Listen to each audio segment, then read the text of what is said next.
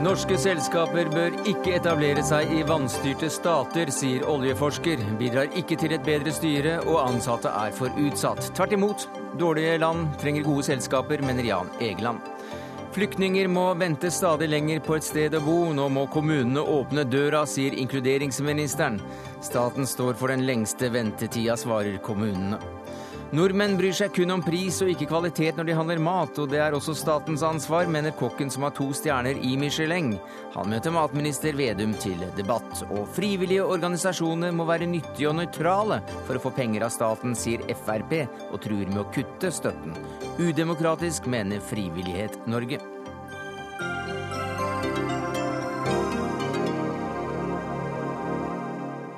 Ja, Det er noen av sakene i Dagsnytt 18 denne tirsdagen, der vi også får høre hva redaktøren av Jerusalem Post mener om dagens valg i Israel. Men vi begynner med terroranslaget i Algerie. Og Bård Glad Pedersen, du er informasjonssjef i Statoil. Er det noe nytt om de fem det fremdeles ikke er gjort rede for? Nei, det er ikke det. Vi savner fortsatt eh, fem av våre kollegaer.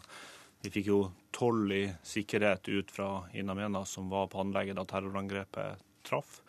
Eh, men fortsatt er det uavklart for fem, og vi savner fem. Så vi gjør jo det vi kan for å få sikker informasjon om dem. Ja, hvordan arbeider dere nå, nesten en uke etter at uh, attentatet skjedde, med å få klarhet i hva som har skjedd med dem? Nei, vi bruker jo den, de kildene vi kan uh, til informasjon.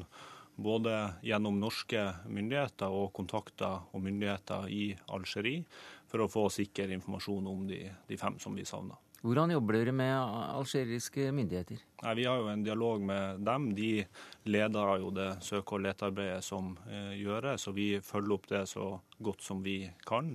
For oss er det viktigste prioriteten nå det å få avklart og sikker informasjon om de fem. Det å støtte eh, de som er kommet hjem, og å støtte og hjelpe eh, de familiene som er i en nesten umulig situasjon. Hva kan du si om dette lete- og søkearbeidet nå? Nei, vi eh, fortsetter jo arbeidet for å få informasjon. Det letes jo på sykehus og helseinstitusjoner i Alger, Svei, Namenas og eh, andre byer der det kan være eh, brakt noen til. Så vet vi jo at det er mange drepte her, og det pågår jo et eh, identifikasjonsarbeid knytta til det. Vi må jo forberede oss på at også vi kan ha mista noen av våre. Men så lenge vi ikke vet, så må vi håpe, og så får vi gjøre det vi kan for å få sikker informasjon.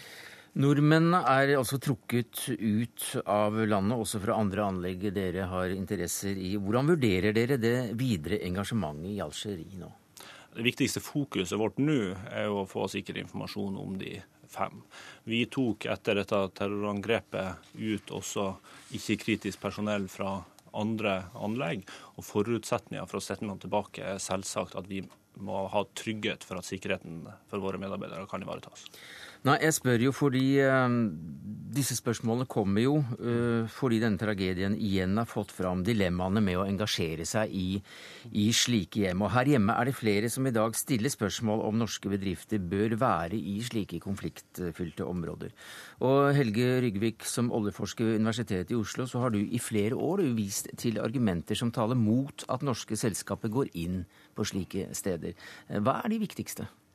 Ja, Det er mange argumenter, mener jeg, i forhold til det. Eh, altså, vi vet at uh, historisk uh, så har ikke utenlandske oljeselskaper vist at man har ført en fundamental demokratisering i de aktuelle landene. Vi vet at det å drive oljeinvesteringer i forhold til å eie og kontrollere oljefelt er litt annet enn å selge tjenester til et land. Du er inne i et land der oljekildene er eid eller kontrollert av et regime som ikke nødvendigvis er legitimt i befolkningen.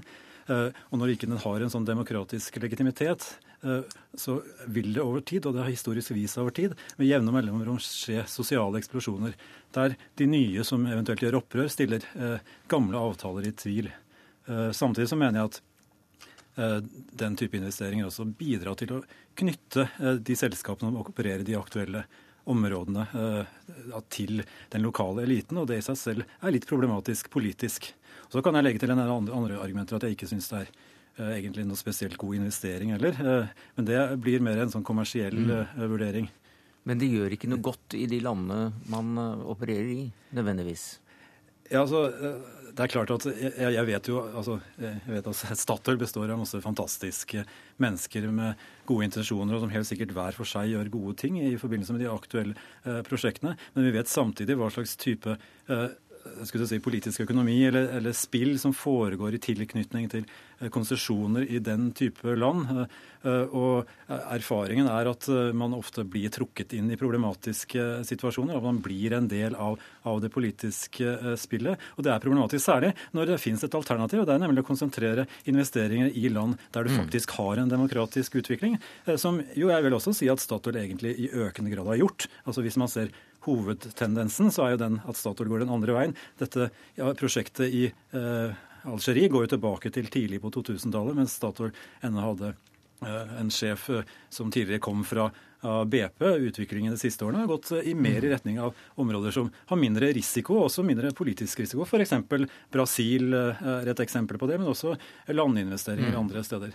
Men i boka di eh, 'Til siste dråpe' fra 2009, som da handler bl.a. om nettopp det at utenlandsetableringer får negative konsekvenser internt i mange fattige land, eh, så trekker du også opp hvordan det også da skaper både usikkerhet og utrygghet for for de, eh, vi sender, de, de, selskapene man, de personene, arbeiderne man sender nedover.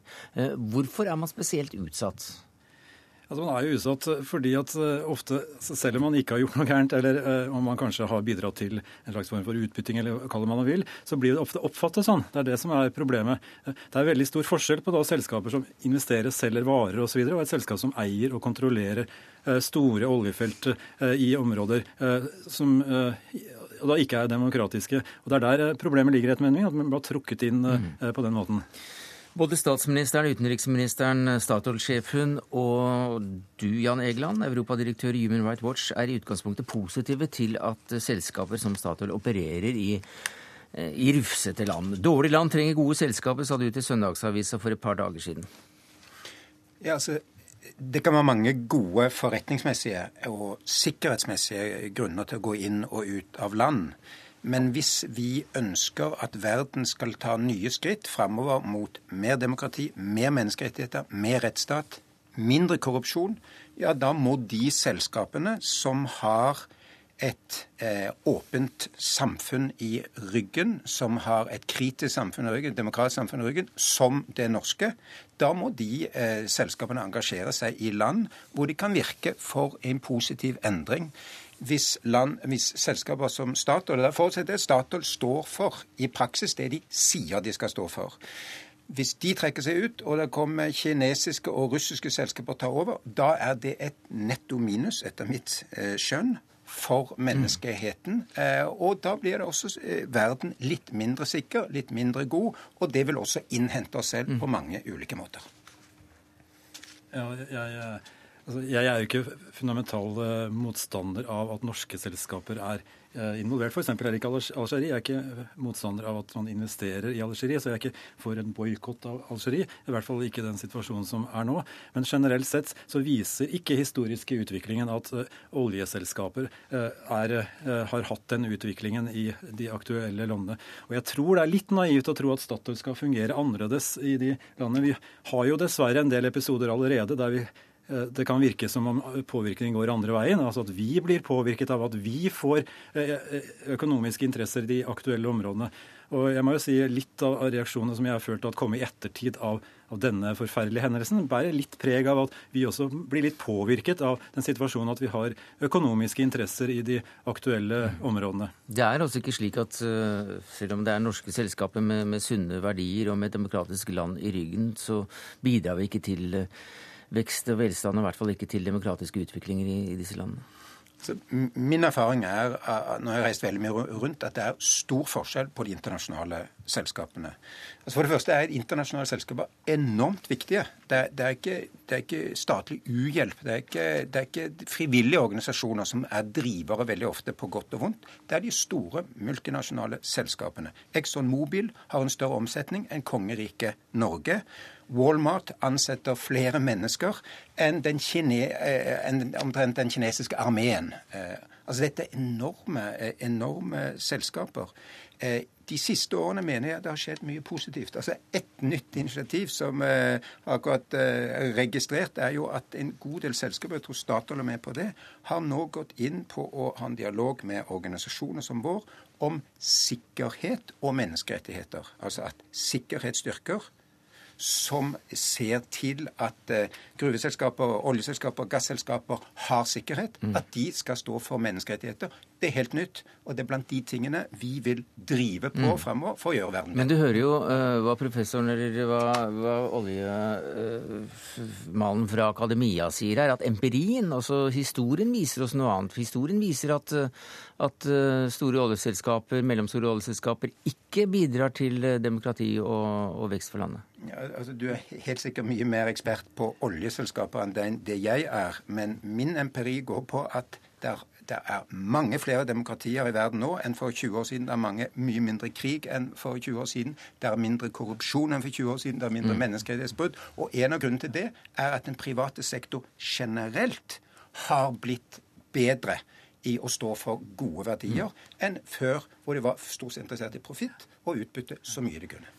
Ja, og Det er, jeg tror jeg er en generelt uh, kanskje riktig bilde, men unntaket er at hvis vi ser på hvor er det vi har hatt de siste konfliktene som hadde eksplodert i de siste årene, jo det er i aktuelle stater der du faktisk har hatt relativt ensidige oljeøkonomier. Og det har ikke bare med eh, altså det faktum at oljen er en strategisk ressurs for Vesten osv., at du får konflikt, men det har også litt med oljens natur å gjøre. Det faktum at det er en slags rente som ligger i olje, som ikke er det samme som profitt, som du snakker om.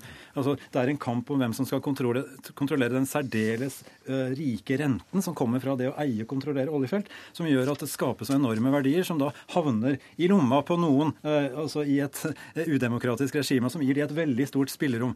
Det er jo en av bakgrunnene mener jeg at f.eks. Algerie ikke har blitt fanget opp av uh, den arabiske våren uh, som det har vært, fordi at du har hatt et regime som delvis har brukt ressurser på et ganske brutalt militærapparat som har veldig mye makt, og delvis har brukt dette strategisk for å unngå et type opprør. Men samtidig så vet vi historisk igjen at det skyldes jo da at vi har hatt en oljepris som har gått oppover og oppover, oppover siden 2000 omtrent. Vi vet samtidig at når vi kommer i periode der prisen faller, så vil de samme type samfunn skape ustabilitet. Og neste gang, altså i et, den type land som da eh, Statoil er involvert i Vi har land som Nigeria, vi har land som Angola, vi har land som Aserbajdsjan osv., som er relativt anførselstegn, i hvert fall for to av de, stabile nå. Men i en situasjon der eh, oljeprisen vil falle, så vil veldig mye av de underliggende strukturer komme til å komme til overflaten. og Man vil tilsynelatende være overrasket, og det bør man ikke være, etter min mening. da. Sånn, ja, altså, oljeindustri og gruveindustri har jo vært tradisjonelt ganske skitten, og i skitne land, i gåseøyne. Men, men det, det, vil jo være utrolig hvis vi skal gi opp de industriene og si at der skal vi bare trekke oss ut, og så skal diktatorer og dårlige selskaper for diktaturer ta over mm. der. Det blir ikke bedre da? Nei, altså, Det er jo spørsmålet hvordan du ser det. Dette er jo en ressurs som kan utvinnes og brukes én gang. Uh, uansett for den aktuelle befolkningen. Og I dag har vi en situasjon der det, altså den brukes da til å berike og feste maktposisjon til en rik elite. For oss i Norge og verden for øvrig så vil ikke dette være avgjørende. Det er nok mm. oljeproduksjon til at man kan produsere uavhengig av en del av de tingene. Og det er heller ikke avgjørende kommersielt for Norge. fordi at mm. vår viktigste uh, inntekter fra oljevirksomheten det kommer delvis fra den eksporten som Statoil gjør fra norsk sokkel, og uh, kanskje like mye nesten etter hvert uh, den eksporten som kommer fra mm. leverandørindustrien.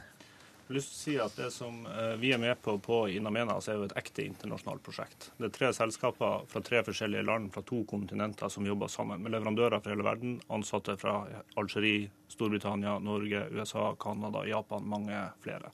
Og Dette var jo det terroristene så grusomt angrep eh, onsdagsmorgen.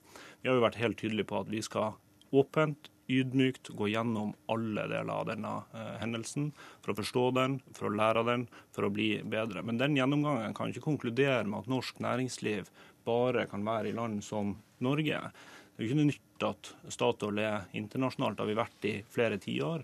Vi har vist at vi kan opptre ansvarlig, drive næringsvirksomhet på en positiv måte, også eh, ivareta Eh, sikkerheten, og så får vi lære av nye erfaringer, også forferdelige erfaringer. Ja, for, for, det, for det Ryggvik eh, peker på her, er jo at også Statoil har endret strategi eh, de senere årene ved å tidligere gå inn i veldig vanskelige områder, og nå satse mer på områder som, som ikke er så ustabile som f.eks. USA og Canada. Ja, vi har jo en bredde i vår portefølje. Men det er viktig det... at det har vært en dreining der? Ja, altså jeg vil si at Vi har en bredde i vår portefølje. og det Men dreining, forstå... dreining i strategien, selv om det er en bredde? Nei, altså vår strategi har vært å vokse internasjonalt. Sats det vi kan på verdiskapning i Norge, og samtidig satse internasjonalt. Vi må forstå et bredt spekter av risiko knytta til vår virksomhet. Mm. Den type spørsmål som vi nå står overfor, men også selvsagt mer operasjonelle og den type eh, spørsmål. Vi må klare å håndtere det. og Vi må lære også av, eh, av dette. Men nå må vi i første omgang fokusere på å håndtere den hendelsen, mm. få sikker informasjon om de fem vi savner. Og så skal vi åpent og ydmykt gjennomgå alt av dette når vi er villige til å diskutere alle sider mm. selvsagt ved Statoils virksomhet. Ja, jeg har selvfølgelig som alle andre har medfølelse for denne situasjonen Statoil oppe i og diskuterer jo på generelt nivå her. og Jeg syns også det er fint at Statoil sier at de vil ha en åpen prosess nå med de ansatte om dette. og Da håper jeg også at konklusjonen ikke er gitt på forhånd i forhold til det faktiske eh, prosjektet i Algerie. For det er, eh, altså man kan gå dypere inn i det, og det er en dramatisk situasjon. og sånn. Men, det kommer til å være absolutt ja, forutsetning ja, for all vår virksomhet at vi kan ivareta sikkerhet. og Det gjelder også i Algerie, på samme måte som det gjelder på norsk sokkel og andre steder der vi er til stede. Det, det tror jeg kanskje Ryggevik ikke har fanget opp, er alle de initiativer, alle de reguleringer, alle de organisasjoner, alle de journalister som nå følger med denne industrien i alle disse landene, og prøver å drive den i riktig retning. Altså, Algerie vil være et strategisk sentralt land for menneskeheten, for Europa, for Middelhavet. Man kan ikke tape Algerie til Eh, til, til, til korrupsjon og ekstremisme. Vi må ha flest mulig gode selskaper som går inn der, og myndigheter som kontrollerer disse selskapene, passer på dem. Og så må, må eh, terrorbekjempelsen basere seg på menneskerettigheter, mm. rettsstat, utvikling, sysselsetting, snarere enn først og fremst militære midler og maktbruk.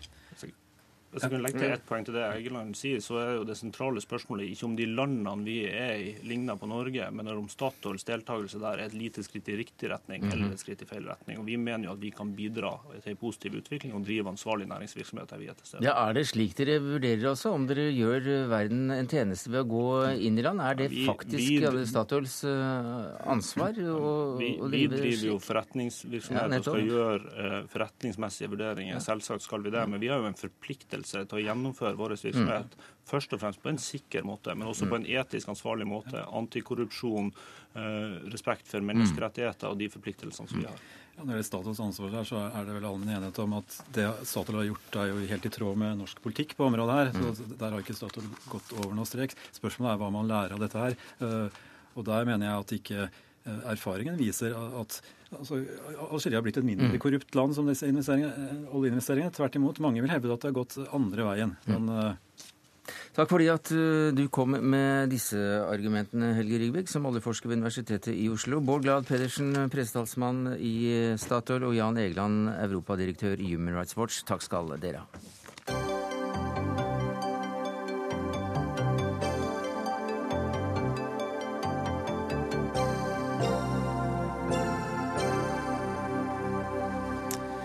Så til hvordan vi behandler folk fra vanstyrte land, de som er kommet gjennom nåløyet og har fått tillatelse til å leve og bo i kongeriket Norge. For spørsmålet er jo da hvor skal de bo?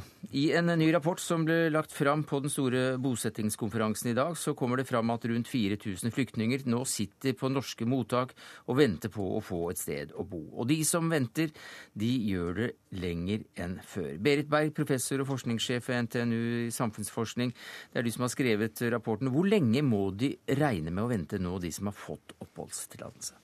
Ja, Akkurat nå så er eh, gjennomsnittlig ventetid den er på ca. sju måneder.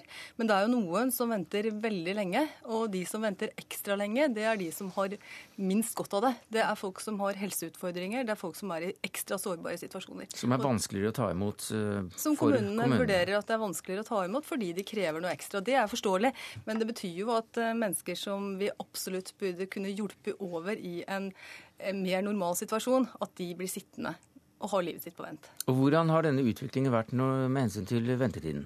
Den har gått opp, og det skyldes jo at det har vært høyere asylankomster for et par år tilbake, som igjen da, når da eh, vedtakene er kommet inn, så får det følger. Men det er klart at dette er en oppgave som vi fremdeles behandler som en midlertidig adhoc-oppgave. Det er egentlig en helt permanent oppgave. Vi har tatt imot flyktninger på systematisk vis i Norge i over 30 år. Eh, hvis vi da ser bort fra noen sporadiske mottak som var eh, før 70-tallet. Og fremdeles så blir dette betraktet som nærmest unntakstilstand, og det er helt utrolig. Det er helt uh, utrolig. Hva sier du som uh, ansvarlig statsråd? Uh, og du var med også med å, å arrangere denne konferansen, statsråd Inga Marte Torkelsen. Mm, det var mitt hovedpoeng i dag, i og for seg. Det var at dette her er helt et utrolig. arbeid som Nei, det er ikke at det var helt utrolig. Hovedpoenget var at dette her er et arbeid som kommunene må gjøre like planmessig som når de organiserer eldreomsorg eller skole eller andre ting. For det er ingenting som tyder på, dessverre, at vi kommer til å få en verden i nærmeste framtid eller i vår levetid som er sånn at folk ikke må flykte eller søke asyl. Og det betyr at vi er nødt til å åpne dørene. Og mange ser jo at det har veldig positive sider ved seg. Man får tak i folk som blir en ressurs for lokalsamfunnet. Så handler det også om humanitært arbeid. Det handler om solidaritet. Eh, og noen av de fattigste landene i verden de tar imot desidert flest. Vi er et av de desidert rikeste landene i verden og må ta vår del. Mm, helt utrolig. altså Gunn Marit Helgesen, som styreleder i kommunesektorens organisasjon KS. Hvordan vil du eh, beskrive den situasjonen? Det er klart at uh, vi er enige om at situasjonen er uakseptabel for de det gjelder. Fordi uh, de skal fortest mulig ut i en kommune og få et, et, en verdig boligsituasjon som, som alle har som mål. Hvorfor er det slik? Nei, altså det, det, som eh, vi reagerer på i forhold til statsråden, er at eh, man skylder nå på kommunesektoren alene på kommunene at det er de som er ansvarlig for å finne gode løsninger. Det som denne rapporten viser, er jo at det faktisk er en jobb å gjøre både i den statlige prosessen i forhold til godkjenning og til man endelig kommer ut i kommunene. Eh, og da blir det for lettvint å skylde på kommunene alene. Og det er jo faktisk sånn at det er staten som sitter og legger rammene for hvordan kommunene kan håndtere denne situasjonen, og da blir det for lettvint å peke på kommunene. Vi erkjenner at kommunene har en jobb å gjøre. Eh, og vi jobber eh, med dette sammen med kommunene for å få en bedre situasjon. Men det er altså på statlig hold at eh, det tar lengst tid. Så av de syv månedene som Berg viser til, så går altså nesten fem måneder i den statlige prosessen og 2,2 måneder fra de får bosetting i kommunene. Blant annet. Jeg er helt enig i at det er for lettvint å skylde på kommunene oppi mm. dette. For at dette er et felles ansvar som vi har. Og det er det vi må innse. At når vi har sagt ja til å ta imot folk, så må vi også si ja til å bosette dem. Og det er en oppgave som vi må gjøre i fellesskap. Så jo, ser du, sa, du sa jo det at nå må kommunene åpne dørene, så jo, men det er veldig varierende hva kommunene gjør. Mm. Og det vi har fått eh, eksempler på i dag også på denne bosettingskonferansen, og som vi vet fra forskning og evalueringer, det er at det er veldig stor forskjell på kommunene.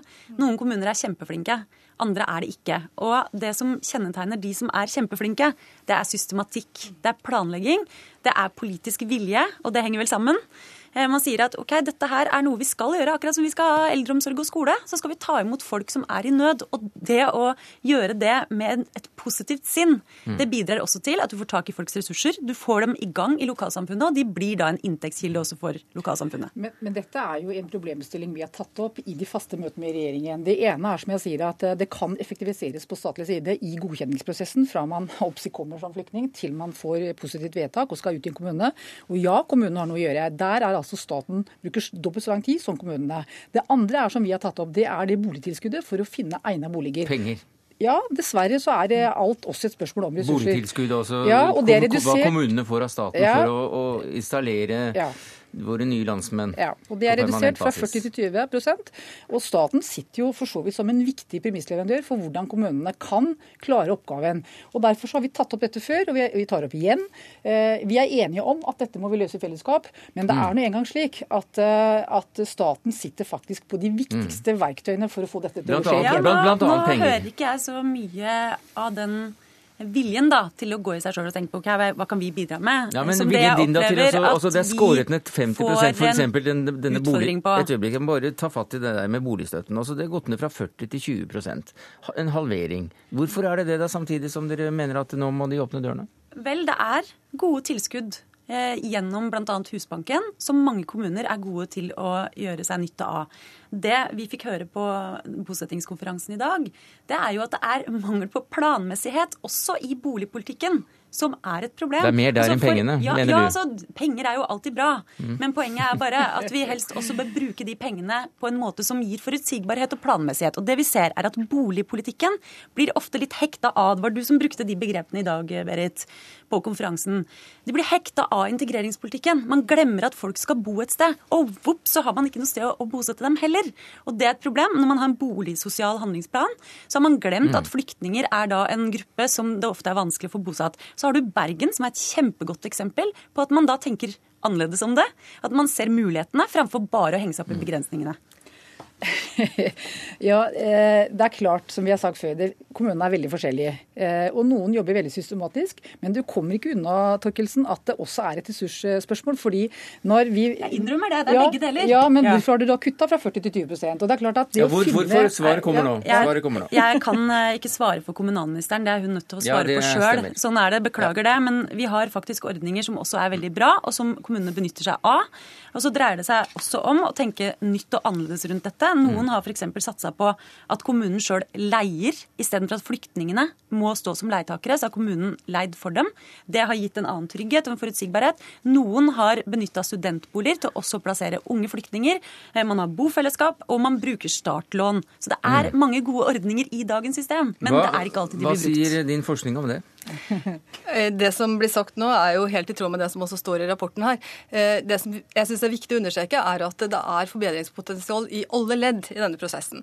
Nå er det gjort en stor innsats for å få ned ventetiden på vedtak i asylsaker, som har vært et veldig sterkt fokus de siste årene, og det har, det har, hjulpet. Men fortsatt er det mange som venter lenge på et svar. Og så skal de da vente lenger enn før på å kunne komme ut i en kommune. Du må summere opp. Så når jeg sier sju måneder, så er det da sju måneder, og så den tida de har ventet før det. Ja. Så, så det betyr at sittet altså Folk kan ha sittet i flere år. Og da kan du tenke, Når vi snakker om de mest sårbare, så snakker vi om unger. Vi snakker om folk som er i en spesielt vanskelig situasjon fordi de er syke. Eh, vi snakker om folk som har, eh, som har problemer rett og slett fordi de også kommer med en, en massiv ryggsekk mm. av opplevelser fra, fra, flukt og fra krig. Hva gjør disse sånn ekstra månedene med folk? Det gjør at uh, folk eh, blir handlingslamma. De er mm. veldig dårlig rustet til et liv i kommunene. Så det er også en felles uh, det, det, det, er viktig for oss alle sammen, det er en vinn-vinn-situasjon å få redusert disse ventetidene. Og da er, at, da er det viktig at det både kommer inn statlige midler både til bolig og til, og til eventuelt også flere insentiver til det som går på helse. Men det er også viktig å se at her er det noen samarbeidsutfordringer, og her er det gode grep som kommunene kan lære av hverandre på. Det har et visst potensial når det gjelder samarbeidsklima her, det har vi forstått. Men at kommunalministeren ikke er her, det er hun som må svare for de nedskjæringene, det har vi i hvert fall nå fått vite. Takk skal du ha, Inga Marte Torkelsen, barne-, likestillings- og inkluderingsminister, Gunn Marit Helgesen, styreleder i KS, Berit Berg, professor og forskningssjef ved NTNU.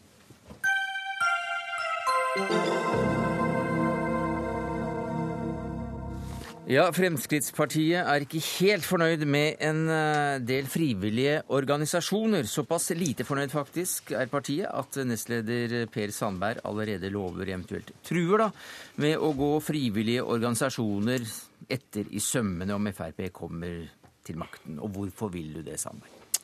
Ja, altså Det er jo ikke en ny politikk fra Fremskrittspartiet. Dette har vært Fremskrittspartiets politikk siden jeg kom inn i kulturkomiteen på Stortinget i 1997. Og jeg har ikke sagt at det Nei, var ny politikk, men, men hvorfor vil du det, sammen? Og så, vil jeg gjerne øh, få lov til å si at uh, i artikkelen i Dagsavisen i dag så bruker jeg ordet nøytral. Det, det, var helt feilplassert. Det skulle jeg selvfølgelig aldri ha gjort. For jeg skjønner dem som forstår det dit hen at jeg skal prøve å legge noen føringer på hva organisasjoner måtte mene. Men nå begynner vi på nytt. Ja, ja. Hvorfor vil du gå disse etter i sømmene? Jo, det er fordi at vi ser at uh, frivilligheten eh, eller frivillige organisasjoner, mange av disse nå, som i utgangspunktet kaller seg non-government organisasjoner, har over 80% statlig finansiering og har større og større knytning til det politiske miljøet. Jeg ønsker meg det motsatte. Hvis man skal opptre som en non-government organisasjon, frivillighetsorganisasjon, så skal avstand til det politiske miljøet være størst mulig. Både i forhold til Stortinget, som, er, som bevilger, men også det utøvende makt, regjering. Så har vi hatt noen eksempler da, der at vi ser at enkelte meningsbærende organisasjoner, altså politiske organisasjoner, eh, har sterk knytning til enkelte statsråder. der at statsråder må gå, der at man endrer tildelingskriteriene for enkelte meningsbærende organisasjoner. Og da er vi på feil kurs. Så la oss si, det fremstilles som om at jeg snakker om frivilligheten generelt. Dette har ingenting med eh, de, den frivilligheten som generalsekretæren her er opptatt av. Ja, Men nå må du ikke foregripe ja. debatten her, Sandberg. For det du sier ja, for Vi bare oppsummerer. også Det du sier, det er at det må ikke være eh, politisk eh, motiverte organisasjoner som jobber som politiske partier omtrent, mm. som skal få statlig statlig støtte. Og da, Når du sier dette, så skuler du da til din høyre side, for der sitter Snorre Valen, som er stortingsrepresentant for SV. Mm. Og Hva sier du til eh, Sandberg i denne saken? Ja, noe av det fineste med det norske demokratiet er at vi også oppmuntrer til og gir støtte til organisasjoner som kanskje til og med er veldig uenige med regjeringa. Det er fordi frivillige organisasjoner de er ikke bare et supplement til det folkevalgte demokratiet, men de er også et viktig korrektiv. Det er et viktig prinsipp for oss i den rød-grønne regjeringa også. og Derfor mener jeg det er helt uproblematisk om noen er Høyre-medlem, kasserer i lokale idrettslaget og også har verv i Turistforeninga f.eks. For, eksempel. for dette griper jo mye videre enn det Per Sandberg eh, kaller organisasjoner med politisk helning. De aller fleste organisasjoner har jo meninger som griper inn i det politiske ordskiftet. Og det er bra. Og det er hele poenget med disse organisasjonene. Så hvordan Frp har tenkt å etterleve dette uten å drive utstrakt sensur, det har jeg store problemer med å, med å forstå. Jeg er tilhenger av den kritiske røsten. Eh, men eh, vi kan jo se, det er jo litt interessant at Snorre Valen da skal forsvare SV i denne sammenhengen, og regjeringa i denne sammenhengen. For det er jo nettopp SV og, deres statsråd som måtte gå. Fordi at man blanda eh, rollen som statsråd, altså regjering, med Sosialistisk Ungdom og SV i, i, en rekke sammenhenger. Og det er jo også da en statsråd fra SV som endra tildelingskriteriene for noen meningsbærende organisasjoner, slik at det ikke stilte noen krav til dem. Ikke stilt krav om regnskap, aktivitetsplan, mm. sånn som det overfor alle dine for øvrige medlemmer. Der er det jo stilt store krav til å, å, mm. å, vise hva man eh, faktisk leverer. Men jeg må igjen avbryte deg her, Sandberg, for nå ser du på Birgitte Brekke som generalsekretær i paraplyorganisasjonen Frivillighet Norge når du sier det siste her. Og da får vi høre med en gang da fra deg. Hva synes du om FrPs utspill her? Vi ble veldig overrasket over det utspillet, fordi at eh, det har i en årrekke vært tverrpolitisk enighet i Norge om at det er viktig for det offentlige å legge til rette for en aktiv og mangfoldig frivillighet, og at de frivillige organisasjonene spiller viktige roller som demokratibyggere og vaktbikkjer. Men nå hører du Sandberg si at det dreier seg ikke om dine organisasjoner som sådan i, i flertallet. Men jeg syns det er veldig vanskelig å se hvordan, eh, altså hvilke kriterier er det Sandberg skal legge til grunn når du skal måle mm. eh, hvem det er som er objektive organisasjoner i Norge. Fordi alle norske organisasjoner står for noe. Ja, senter, altså, altså I stedet for å bruke nøytralt, så skulle man kanskje ha brukt uavhengig eller politisk uavhengig uavhengig. Det hadde nok vært et bedre eh, Partipolitisk uavhengig? Ja, partipolitisk. Men Kan du nevne organisasjoner som ikke er partipolitisk uavhengige? Ja, men altså, Det må jo ned i vedtektene. på det. Mange organisasjoner har faktisk nedfelt det i sine vedtekter, men alle har ikke gjort det. Og så har vi hatt en utvikling, dessverre. Ja, men et øyeblikk, du, du får ja, skal følge Valens poeng. Du, men, men, du, må nesten litt, litt, svare Valen. Ja, hva hva, du, hva Nei, altså, fordi du, du, argumenterer litt mot en stråmann. fordi jeg, jeg, kommer ikke på noen organisasjoner som ikke er partipolitisk uavhengige. Altså, Det at en organisasjon er veldig enig med Frp eller veldig enig med SV, betyr jo ikke at de ikke er uavhengige. Men, men, det er jo derfor at jeg også koker det ned til dette med meningsbærende organisasjoner mm. som rekrutterer fra venstresida, og som, har, som, nærmest er et haleheng til politiske parti, og fremstilles på en måte ja, hvilke organisasjoner da? SOS Rasisme, Antirasistisk Senter SOS Rasisme er jo ingen som har gjort mer for å, for å følge, opp, ja, følge, opp, bruddene på norsk lov som SOS Rasisme har gjennomført, enn SV i regjering. Jeg hører det. Samtidig så Ja, SV som sitter i regjering, ivaretar jo dette. Hvorfor skal man da gi titalls millioner til en organisasjon usaklig. som er et haleheng til dere? Ja, kan du nevne Men, andre eksempler? På organisasjoner som er haleheng til altså, Det er ganske alvorlige påstander du kommer med nå. Nei, nei, det er ikke ja, Kan du nevne andre organisasjoner? Altså, vi så, eh, vi så, Dette ble dokumentert bl.a. Eh, når din statsråd måtte gå av. Ja, I en sak som søker, ikke endte i kritikk fra Stortinget for noen uker siden, og som ikke har noe med denne saken å gjøre. Men nå må Sandberg nesten få svare. For at det vi også ser med disse organisasjonene som er nesten statlig finansiert i sin helhet, Eh, det at de opptrer som en dømmende kraft nærmest ut i offentlig debatt. Mm. Det er nok å nevne Schenken-saken. Vi hadde en sak i Trondheim nå der at ei jente ble satt fyr på. Der at disse organisasjonene er veldig raskt ute med å slå fast at det er rasisme som eksisterer. Samtidig så har vi en rekke organisasjoner som har overlappende interesser, som er statlig finansiert på denne måten. Og det der jeg sier, vi må sørge for en avstand til disse organisasjonene når vi skal gi midler. Så Det som er viktig, det er at du er klar over det at norske frivillige organisasjoner har ti millioner medlemmer. Eh, de aller fleste norske organisasjoner er medlemsbaserte demokratier. Eh, og når en frivillig organisasjon i Norge ytrer et standpunkt, så er det fordi at medlemmene i den eh, organisasjonen er enige om det. Og det jeg tenker, er at det er utrolig viktig for dere som er politikere, å lytte når folket taler gjennom organisasjonene. Helt riktig. Og det å si at organisasjonene er en dømmende kraft Altså, vi har en domstol i Norge og organisasjonene må få lov å ytre seg på bakgrunn av det medlemmene står for. Jo, jo, men... Og få lov å delta i det politiske ordskiftet. det er den du, rollen du, du, de skal må... spille i sivilsamfunnet Nei. og i demokratiet vårt. Nei, jeg syns ikke at organisasjoner som mottar statlig støtte, skal være ut og dømme folk for rasisme. Undertegnede har bl.a. blitt anmeldt for å være rasist av disse organisasjonene.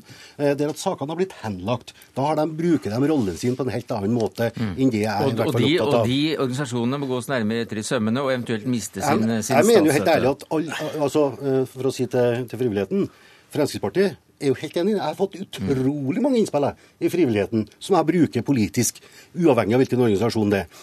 Derfor er det også sånn at Fremskrittspartiet bevilger 500-600 millioner mer til frivilligheten. Derfor vil vi ta bort momskravet fra frivilligheten. Jo, men det vil, også men kutte, om... med, det vil også kutte med 50 millioner kroner til eh, f.eks. Eh, organisasjoner som eh, opererer med innvandringsspørsmål? Ja, helt riktig. Ja. For der har vi, har vi, et lovverk på plass. Mm. Vi har statlige institusjoner på plass. Og så mm. skal vi i tillegg da bruke millioner av kroner på mm. organisasjoner som tar tale det samme som de statlige institusjonene. Men det her lukter jo agenda lang vei. Også når Per Sandberg bruker personlige eksempler på at han har blitt angrepet på organisasjoner, og så skal det være et argument i debatten om å kutte statsstøtte. Og Grunnen til at debatten her oppsto nå igjen nylig, er jo fordi, eh, fordi Antirasistisk Senter har, har, en fotnote i et dokument der de henviser til en sånn pågående eh, fortellinger om at Frp en gang i tida fikk støtte av apartheidregimet i Sør-Afrika. Mm. Og Da får Frp heller dokumentere at de ikke hadde noe med apartheidregimet i Sør-Afrika å gjøre, sånn som man gjør i et fritt demokrati. Eh, jeg blir bekymra når jeg hører på Frp, og i de områdene Frp ikke har tenkt å rote med støtta til frivillige organisasjoner, så har jo Høyre tenkt å gjøre det ved å kutte informasjonsstøtta til, til eh, frivillige organisasjoner som er aktive i internasjonale spørsmål, f.eks. Og det bør alle som vurderer å stemme borgerlig, merke seg. At de samme som er mest offensive på å heve ytringsfrihetens fane og hele tiden anklager andre for å ville kneble debatten, vil kutte støtta til organisasjoner de ikke liker, mm. basert på sånne svevende Eh, mm. argumenter om organisasjoner som de ikke har lyst til å navngi, men som er halhengt til venstre. Men nå må vi nesten kneble, kneble deg, Snorre Valen. Vi må altså. nesten kneble deg. Ja, men Per Sandberg, takk skal du ha for at du møtte uh, to stykker i uh, denne debatten. Så du var to mot én. Men om du er feigt eller ikke, det får vi nå se på. Hør Dagsnytt 18 når du vil, på nettradio eller som podkast. nrk.no – dagsnytt 18. Ja, Det er valg i Israel, og hvordan går det, Sigurd Falkenberg Mikkelsen, du er vår mann i Jerusalem? Det går i hvert fall mot eh, slutten av en eh, lang eh, stemmedag. Valglokalene stenger klokken ti lokal tid. Det er klokken ni norsk tid, og de har vært åpne siden klokken sju i dag.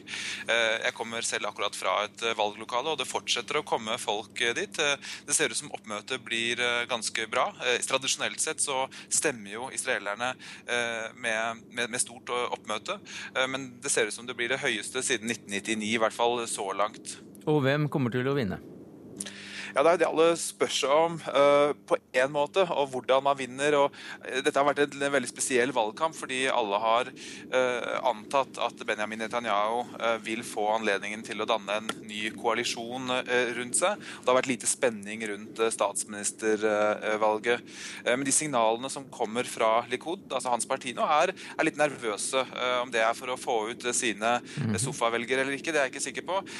men de har tapt i stemmeantall, men antagelig ikke nok til at det blir et statsministerskifte. Hva tror du om det, førsteamanuensis ved Forsvarets ingeniørhøgskole, Hanne Eggen Røiselin? Altså, Netanyahu har ganske mye å gå på, eh, så det skal jo veldig godt gjøres at det kommer til å skje et regjeringsskifte. Det er ikke nødvendigvis eh, Netanyahus fortjeneste. Som eh, Folkemar Mikkelsen nevner, så har de jo tapt også terreng. Men det er i mangel på andre alternativer så står han veldig stødig. Men det kommer da meldinger om at, om at den, en ny regjering antagelig kommer til å ligge lenger til høyre for den nåværende Netanyahu-regjeringen. Mm. Det er også igjen, det er jo mange grunner til at Israel og israelerne gradvis forskyves til høyre. ene er som sagt det at venstresiden ikke har klart å komme med et reelt alternativ. Det er ingen nye skikkelser som har klart å være samlende. Så det blir istedenfor at det er en masse småpartier som klarer å danne koalisjonsregjeringer som man gjør på høyresiden, så blir det bare sant, veldig fragmentert. Mm. Mens på høyresiden så har de jo da klart nettopp dette å danne samlingsregjeringer. Den glir jo til gjengjeld lenger og lenger til høyre, og, det, og den blir bredere og bredere, og det blir flere og flere partier. Nettopp fordi at Netanyahu trenger alle disse småpartistøttene. Men det du henviser til, er jo dette nye, hva skal jeg si, denne kometen som Bennett, den nye figuren som har kommet inn i israelsk politikk. Eh, han fyller på mange måter et eh, tomrom. Mange ønsker på en måte ønsker at Ariel Sharon skulle plutselig komme opp igjen av koma. Man vitser på en måte om at hvis han, man hadde slått av respiratoren han hadde pustet nå, så ville han vunnet valget. Mm. Eh, for man trenger Han hadde en evnen til å, å, å dra med seg israelerne som en sterk figur, og israelerne lengter etter det. Bennett kommer med å fylle et tomrom, eller en lengsel etter en ny figur. Vi har også med oss ansvarlig redaktør i Jerusalem Post, en av landets mest innflytelsesrike aviser, Steve Lindy. We are so glad you can join us. Thank you very much. It seems like the Israelis will vote for an even more right wing coalition this time. Why is that? Uh, well, it certainly does seem that way. Of course, um, we don't know the results yet. It's now 20 to 8 in Israel, and the, the polls only close at 10 p.m. Um, but the indications are, according to all the polls uh, that were done by the Jerusalem Post and other newspapers and media, that uh, Prime Minister Netanyahu will, in fact, win a third term, and uh, parties to the right of him uh, will gain in support, including that of uh, Naftali Bennett's Beit Yehudi, the Jewish Home Party. But uh, uh, this ultra-nationalist uh, party uh, is still likely to join the coalition led by Netanyahu. And from your point of view, uh, will this lead to a significant uh, difference for most Israelis? Um, I don't think things will change significantly. you asked the question why, which I didn't really answer. Mm -hmm. I, am not sure that there why there has been a, a, swing to the right in Israel. I think it happens in most countries that the pendulum swings both ways uh, and I'm sure it will swing the other way at some point. But for now, I think Israelis are pretty hard line and supportive of Netanyahu when it comes to the peace process or lack thereof with the Palestinians, and when it comes to Iran's nuclear program and the possibility of a military strike if international sanctions don't work. And then to the question about if it's uh, significant, uh, if it will lead to a significant difference for most Israelis again, I, am not sure that on the ground most Israelis will feel the difference. Um, the economic situation is, is what is high on the agenda for most Israelis, and I think a lot of Israelis are voting with their pockets uh, today. Uh, it appears that uh, whoever wins the uh, this election will have to raise taxes in, in some way uh, through uh, VAT or direct taxation, and that will affect Israelis. But the situation on the ground, especially with the Palestinians, where there is no movement, there's an impasse in the peace process, I think will remain more of the same. Thank you very much indeed, Mr. Linde. Eh, han sier også at eh, Netanyahu er mest populær pga. at folk stoler på han når det gjelder eh, freds- eller sikkerhetspolitikken, men at uansett om det vil bli en mer høyrevridd regjering, så kommer ikke folk til å merke noe særlig forskjell. Hva sier du, Røslen? Jeg er helt enig i det. Det er jo litt Én ting her er jo at israelske regjeringer ikke er bygget på et sånn Soria Moria-prosjekt. Det er ikke et stor ideologisk bølge. Men så er det også dette som man eh, vel eh, hinter til her, at eh, israelere Vi begynner å se effekten av den arabiske våren også på Israel. Enn så lenge så har israelerne sittet veldig på gjerdet og ventet. Men det altså gjør at israelerne har et mer regionalt blikk enn bare et, hva skal jeg si, et smalere israelsk-palestinsk blikk, som gjør at det er sikkerheten til Israel som står i høysetet.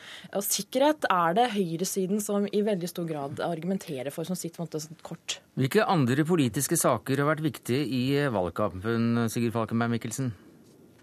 Det som har vært viktig for først og fremst har vært eh, økonomien. Veldig mange av de jeg har snakket med, har vært opptatt av både de store forskjellene som er her, eh, og problemene middelklassen har. Og jeg tror dette økonomiske spørsmålet er noe en av sentrumskandidatene som er verdt å merke seg, har tjent mye på, nemlig Jair Lapid, som har dannet et helt nytt parti. Han er en kjent TV-journalist, men det ser ut som han kommer til å gjøre et bra valg. Og han kan også bli en viktig figur i det nye Knesset når det skal dannes en ny koalisjonsregjering. For jeg tror at selv om Netanyahu Eh, nå leder en valgliste og et Likud eh, som er, står langt, mye, langt til høyre for det vi har kjent eh, tidligere. Og i tillegg vi har denne Natfali Bennett og Det jødiske hjem, så tror jeg nok Netanyahu vil være opptatt av å sikre seg en koalisjonspartner som står til sentrum eller til venstre for han. Det tror jeg det vil være vanskelig for Netanyahu å lede en regjering der han på en måte blir den mest, mest moderate figuren. Vi opplever nå et, eh, et, valg som er et eh, slags nyvalg pga. den politiske situasjonen eh, i Israel. Men Røiselien, hvis vi nå ser litt framover og og erkjenner da at det er venstresiden som, som faktisk strever veldig med å, å, skaffe en politisk lederskikkelse. Hva er det du kan se for deg da? Hva er det som rører seg der? Nei, altså Noe av det paradoksale her er sånn som det også blir sagt her, er at det er f.eks. økonomien som er veldig viktig. Og det er jo en tapersak for Netanyahu.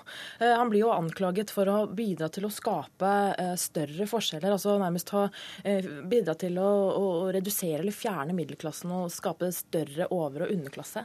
Og Her har jo unektelig venstresiden, eh, med Arbeiderpartiet i spissen, i og for seg et ganske stort spillerom og noe virkelig å ta tak i. Det skjer, som det blir nevnt her, også en ganske eh, stor eh, og betydningsfull etter hvert, tror jeg, reorganisering. Det er nye skikkelser.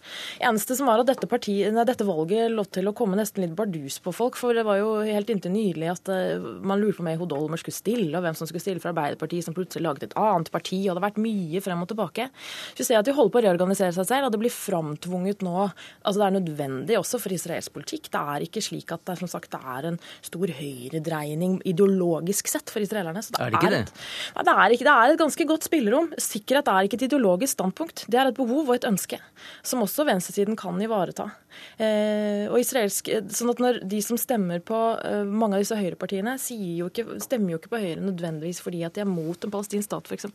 Flertallet av israelerne ønsker jo eh, ikke sant, Det er godt over 70% som ønsker en palestinsk stat. Men sikkerhet blir viktigere. Og Det er jo ikke nødvendigvis et, et, et si, antipalestinsk ideologisk standpunkt. Men disse ultrakonservative eller ultra, ultranasjonalistiske partiene, Sigurd Falkenberg Mikkelsen, hvilken rolle vil de spille i en eventuelt ny regjering nå? Det er jo flere av de. Altså, øh, man må skille mellom øh, Shas, som er det ultraortodokse partiet, og så har man da Bennett, som representerer de mer de religiøse ortodokse og sionistene, mange av bosetterne. Uh, der er det en viss konkurranse. Jeg traff selv Eh, religionsministeren som kommer fra Shas i går. og eh, Det var tydelig at de merker presset eh, for å komme inn i regjering igjen. De har tradisjonelt sett vært de som har vært avgjørende for mange koalisjoner. Men noe vi ser som er interessant i forhold til det Eggen Røiselien sier, er Arbeiderpartiets rolle. Fordi de har fokusert kun på økonomi, og det tror jeg de har gjort, gjort at de har fått en del støtte. De ligger på en 17-18 mandater. Det er langt unna det gamle Arbeiderpartiet, men, men det er ikke så, eh, det er ikke så, så, så verst. Og En velger jeg traff i stad, han sa at han stemte på Arbeiderpartiet pga. økonomien, og også fordi han håpet på en palestinsk stat. Selv om ikke det har vært et valgtema, så har Arbeiderpartiet en historie der. slik at det er, mange nyanser uh, tross alt i det israelske valget. Rødslund, du nevnte denne Bennett, denne kometen som altså brøt med Likud, Netanyahus parti og Netanyahus parti for ikke så veldig lenge siden. Hva slags rolle tror du han kommer til å spille? Vi så ham på TV, Falkmeir Mikkelsen traff ham, og han virket jo som en karismatisk mann for framtiden med sine bare 40 år på, på nakken. Jeg holdt på å si at Det er nesten lurt av dem å trekke fram han. Eh, både som sagt i behovet for en ny skikkelse, eh, også det at han er veltalende.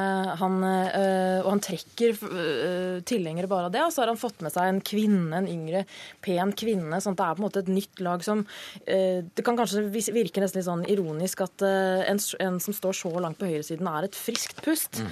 Men han har nedtonet ganske mye hvem som står på listen hans. og de har jo siden denne valgkampen har har dreid seg veldig mye om hans person, og veldig lite egentlig om lista hans og valg, eh, altså hva han faktisk går til valg på. Eh, nå får vi se hva slags, om velgerne hans har satt seg veldig godt inn i det, men på lista hans f.eks. så står jo blant de mest radikale blant eh, Hebrons eh, nybyggere, som jo er den mm. kanskje en, den, hva skal jeg si, mest ytterliggående av bosettingene. Så det kan jo være noen som vil få seg en overraskelse hvis han får rett og slett veldig mye å si. Takk skal du ha, førsteamanuensis ved Forsvarets ingeniørhøgskole, Hanne Eggen Røiselien, og til deg i Jerusalem, Sigurd Falkeberg Mikkelsen, Midtøsten-korrespondent.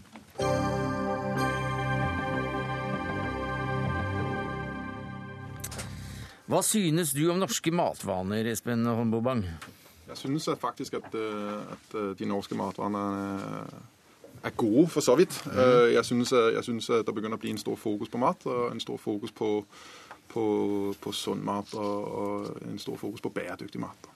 Men denne debatten om norske matvarepriser ble jo da vekket eh, til liv igjen da det ble kjent at ICA vil overlate distribusjonen til Norgesgruppen. Eh, men du sier at vi er altfor opptatt av prisen, mens det er kvaliteten på maten vi eh, egentlig bør være mer interessert i. Det jeg sier, det er jeg synes at der, der, er for stor fokus i debatten på pris. Jeg synes Istedenfor at der skal være så mye fokus på billig mat, så burde det være mer fokus på å få så mye kvalitative produkter inn i butikken. Og hvem har da et ansvar for, for å dreie oss i den retning? Ja, altså Jeg har jo ikke noe svar på det. Jeg har jo ikke svar på hvem, hva vi skal gjøre, eller hvem som har ansvaret for det. Det, det eneste jeg skriver, det er at jeg som bekymret forbruker jeg var bekymret før, og nå vil jeg nok si at nå er jeg i hvert fall veldig bekymret etter, etter den siste utviklingen. Men som kjøkkensjef på restaurant Maemmo, som også da kan eh, skilte med to eh, Michelin-stjerner, så har du jo da en røst også i den norske offentlige debatten. Og du er bl.a. bekymret for samrøret mellom norsk politikk og matvarekjeder, og hva som skjer. Mm. Ja, altså jeg synes jo, øh, uten å vite helt hva det, hva der, foregår bak kulissene, og sånne ting, så, så synes jeg jo at, at, at, det er klart det virker som om at det er noen, noen ganske store makter som hjelper noen litt store aktører å, å trekke i den retning som de, de, ønsker. Og Hvilken innflytelse har det på øh, kvaliteten på det du finner i, uh, i butikkene?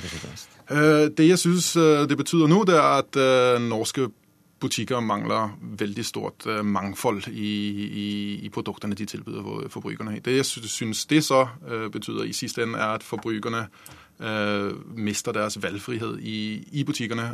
når det f.eks. bare finnes én type smør for én produsent. Og som jeg også nevnte i den kronikken, betyr det jo det samme hvis du går i en klesbutikk og de sier jamen vi har bare én type jakke her. Vi har den så i to, to farver, men, men, men, godtar vi det? Vil vi godta at det bare finnes én jakke? Det tror jeg i hvert fall ikke. Det hadde du ikke godtatt eh, som uh, privatmann Trygve Slagsvold Vedum å bare kunne velge mellom én jakke i butikkene, men som landbruks- og matminister så står du altså for en politikk der valgfriheten i butikkene er ganske begrenset. Ifølge restaurantsjefen. Ja, og jeg syns noen ganger fokus på pris eh, tar nesten helt av. Også når du f.eks. før jul, da, for å ta det mest konkrete eksempelet, kan kjøpe en eh, kilo ribbe for nesten 20 kroner kiloen, eh, og det nesten kastes etter oss, det som er måte, vårt viktigste festmåltid. Jeg mener at det undergraver noe av det flotte i det gode måltid òg, når det bare er det som skal ha fokus. Men det er altså hvordan man organiserer ja, og, hele denne politikken som gjør at mangfoldet ikke kommer ut i butikkene? Heldig, altså det som er, det er liksom to utviklingstrekk. Det ene som er veldig positivt, er at eh, vi ser at omsetningen av lokalmat har økt veldig, ikke minst de siste to til tre åra. Det har vært en veldig stor eh, etterspørselsvekst. Og, det er flere og flere lokale produsenter som dukker opp rundt omkring i hele Norge. Eh, det kan gjøre f.eks. en ferietur, en reise eller et måltid mye mer innholdsrikt hvis man drar innom en lokalmatprodusent, eller man går i en butikk og får kjøpt det produktet. Det er en positiv trend. En negativ trend det er det som vi ser nå med maktkonsentrasjon inn i dagligvarekjeden. For at det, Hvis det blir sånn at ICA Norgesgruppen Eh, slår seg sammen, så vil én aktør ha over 50% av innkjøpet til norsk dagligvare. Og Det gjør at det er noen få aktører som får enda større makt, som bestemmer enda mer over hva du og jeg skal, så du, skal spise. Så du som, eh, som, matminister håper at Konkurransetilsynet går inn og så setter ned foten her? De må gjøre en vurdering bakgrunn i de, eh, det regelverket de forholder seg til. Men klart jeg er bekymra for det. Og det er derfor vi har satt i gang det her lovarbeidet, der de vurderer mm. en egen lov om handelsskikk for å få ryddighet i maktforholdene. For det er veldig vanskelig som en liten lokal, lokalmatprodusent å komme seg inn i norsk dagligvare. Og skal vi klare å få omsetning av lokalmat, så må det inn i dagligvaren.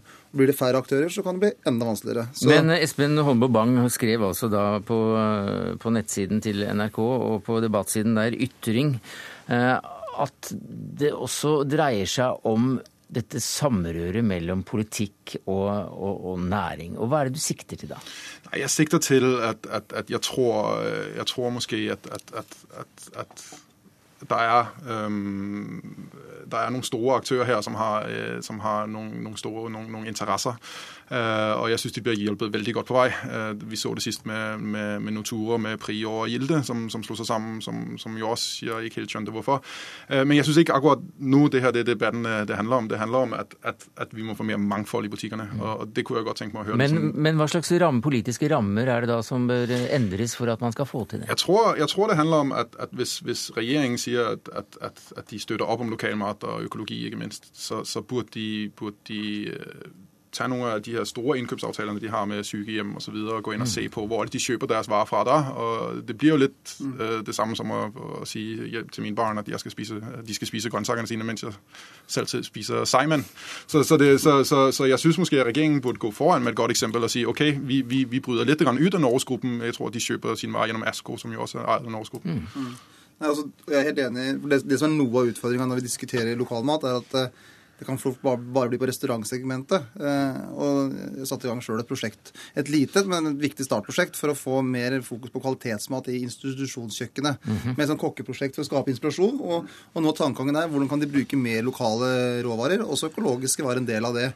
For at man kan gi en enda større smaksopplevelse for de som er, er sjuke i livets siste fase. Så det at eh, vi har en aktiv matpolitikk, ikke bare for den som skal gå på restaurant, men også for de som skal være på et sykehjem eller er et sykehus. Det mener jeg er, rett, for vi har undervurdert altfor mye hverdagsmaten rundt omkring. For det er altfor få som går på Maiemo. Det, er sikkert, det gleder jeg meg til. Jeg håper jeg får lov til å gå dit en gang. Det er ikke for få som går på er men, det, er, det, er, ikke plass til alle, da, for det er en fantastisk restaurant som er kjempepopulær.